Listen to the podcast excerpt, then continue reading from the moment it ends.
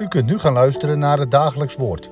Dit is iedere maandag tot en met vrijdag om 10 uur, 3 uur en s'avonds om 7 uur.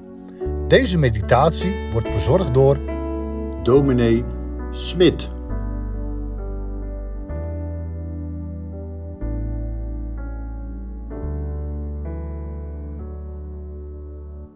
Fijn dat u weer luistert naar het dagelijks woord. Welkom.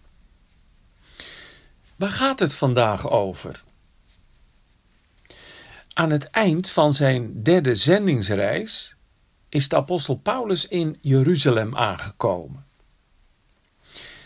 In Handelingen 20, het voorafgaande hoofdstuk, heeft hij daar al iets over gezegd, namelijk dat hij gebonden door de geest naar Jeruzalem reist en dat hem daar verdrukkingen te wachten staan.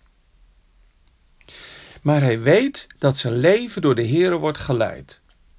Als het Gods weg is dat hij gevangen wordt genomen, dan heeft hij daar vrede mee.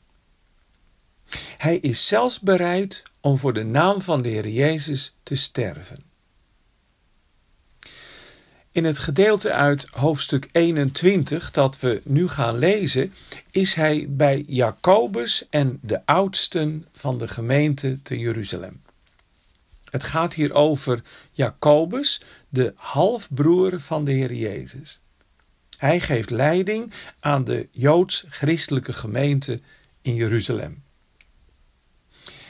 Er is ook een Bijbelboek dat zijn naam draagt, de Algemene Brief van de apostel Jacobus. In de ontmoeting tussen Paulus en Jacobus gaat het over het verschil in leefwijze van de gelovigen uit de Joden en de gelovigen uit de heidenen. We gaan dit Bijbelgedeelte eerst met elkaar lezen. Handelingen 21, vers 21 tot en met 25. Handelingen 21, vers 21 tot en met 25.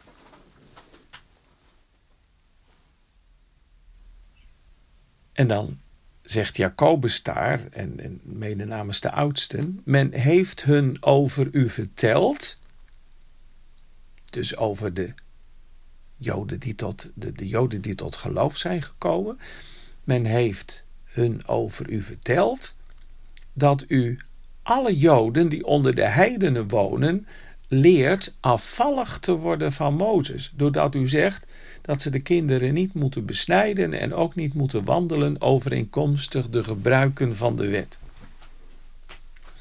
Wat staat ons nu te doen? Het is beslist noodzakelijk dat heel de menigte samenkomt, want zij zullen horen dat u gekomen bent. Doe daarom wat wij u zeggen. We hebben vier mannen die een gelofte gedaan hebben. Neem die bij u, reinig u samen met hen en betaal voor hen de kosten van de offers, zodat ze zich het hoofd kunnen laten scheren en alle kunnen weten dat er niets waar is van wat hun over u verteld is, maar dat u zo wandelt dat u ook zelf de wet in acht neemt. Maar wat de heidenen betreft, die geloven, hebben wij geschreven en goed gevonden dat zij niets dergelijks in acht hoeven te nemen, behalve dat ze zich moeten wachten voor offers, voor bloed, voor het verstikte en voor ontucht. Tot zover dit gedeelte uit Handelingen 21. Er wordt over Paulus gepraat. Door wie? Door de Joden die tot geloof in de Heer Jezus zijn gekomen. In vers 20 wordt gezegd dat het er heel wat zijn, duizenden. In de achterliggende jaren is de gemeente geweldig gegroeid. Ze geloven in Jezus en houden zich nauwgezet aan de Torah, aan Gods geboden. Maar nu gaan er in Jeruzalem geruchten dat Paulus tegen de Joden in de heidewereld zegt dat het niet meer nodig is om zich te houden aan de geboden van Mozes. Joodse jongetjes zouden niet meer besneden hoeven te worden.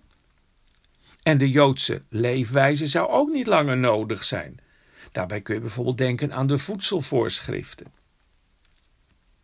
Maar dat is helemaal niet waar.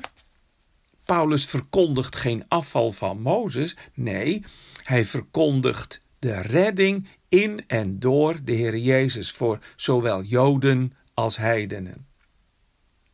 Joden hoeven hun Joodse leefwijze echt niet op te geven, als ze maar niet denken dat ze daardoor recht voor God komen te staan. We worden alleen gerechtvaardigd, vrijgesproken door het geloof in de Heer Jezus en niet door de besnijdenis en niet door je aan de wetten van Mozes te houden. Joden hoeven echt geen heidenen te worden. Laat ze hun identiteit vooral behouden. Als het maar niet leidt tot verduistering van het grote offer van de Heer Jezus. En dan komt Jacobus met een voorstel. Er zijn in de joods-christelijke gemeente van Jeruzalem vier mannen die een gelofte hebben gedaan. Het zal hier gaan om het, om. Om een periode in hun leven van extra toewijding aan God. Ze onthielden zich van alcohol, lieten hun haar niet afknippen en waren intensief bezig met Bijbelstudie en gebed. Mooi toch?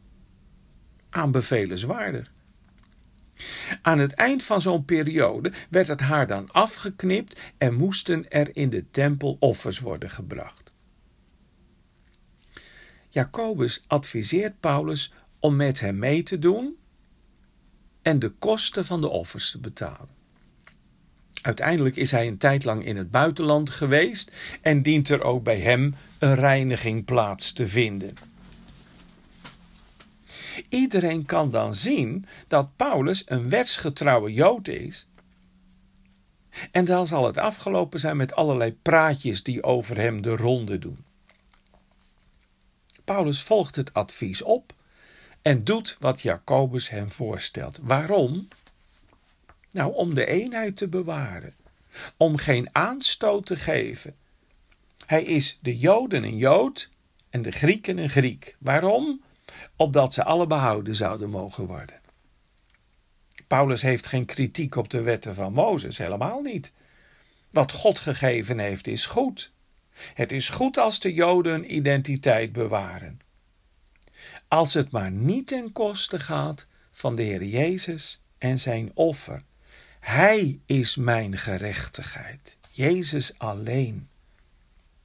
En zo kunnen gelovigen uit de Joden zich houden aan de wetten van Mozes en zo geldt voor gelovigen uit de heidenen dat zij niet mogen eten of drinken wat aan de afgoden is geofferd. Ze mogen ook geen vlees eten van dieren die door verstikking zijn gedood en ook geen bloed drinken. Verre moeten ze zich houden van hoererij. Waar gaat het ten diepste om? Leven uit Christus, je niet verontreinigen met de godenvijandige wereld, en elkaar in liefde dienen en vasthouden. Amen. Zullen we met elkaar bidden. Heere God, wij danken u voor uw woord. En dat we tot de ontdekking zijn gekomen hoe belangrijk het is om elkaar ondanks bepaalde verschillen toch vast te houden als we samen maar gericht zijn op dat ene, dat alleen de Heer Jezus onze gerechtigheid is. Dat we er niet komen met allerlei dingen die wij doen. Met, met vroom leven, met ons houden aan dit en aan dat. Maar dat het alleen gaat om de verbondenheid aan de Heer Jezus. En dat we dan ook de wereld niet gelijkvormig worden. Dat we, dat we niet doen wat iedereen doet, maar dat we vanuit Christus in een nieuw leven zullen wandelen, heilig u toegewijd. Here, help ons om u echt met hart en ziel toegewijd te zijn. Vervul ons met uw heilige geest. Wij bidden, wees met een ieder van ons, als we ziek zijn, Wilt u erbij zijn? Wilt u ook alles wat artsen doen en medicijnen zegenen? We bidden voor hen die chronisch ziek zijn, die psychisch lijden. We bidden voor mensen in rouw. Wilt u hen troosten en dragen door uw kracht? Mag uw gemeente worden gebouwd? Heren, wij bidden om het krachtige werk van uw geest in Katwijk. En vul uw dienaren, zodat ze ook ruim kunnen uitdelen. Heere God, houdt u deze wereld ook in uw hand. Er is zoveel nood. Wij bidden als wij iets, iets, iets voelen ook van uw oordelen die over deze wereld gaan. Geef dat het daartoe mag leiden dat ook mensen zich gaan buigen voor u. En de Heer Jezus mogen kennen, u nodig zullen hebben. Uw koninkrijk komen. We zien uit naar de wederkomst van de Heer Jezus, de vervulling van uw belofte. Hoor ons gebed in de vergeving van onze zonden om Jezus wil. Amen.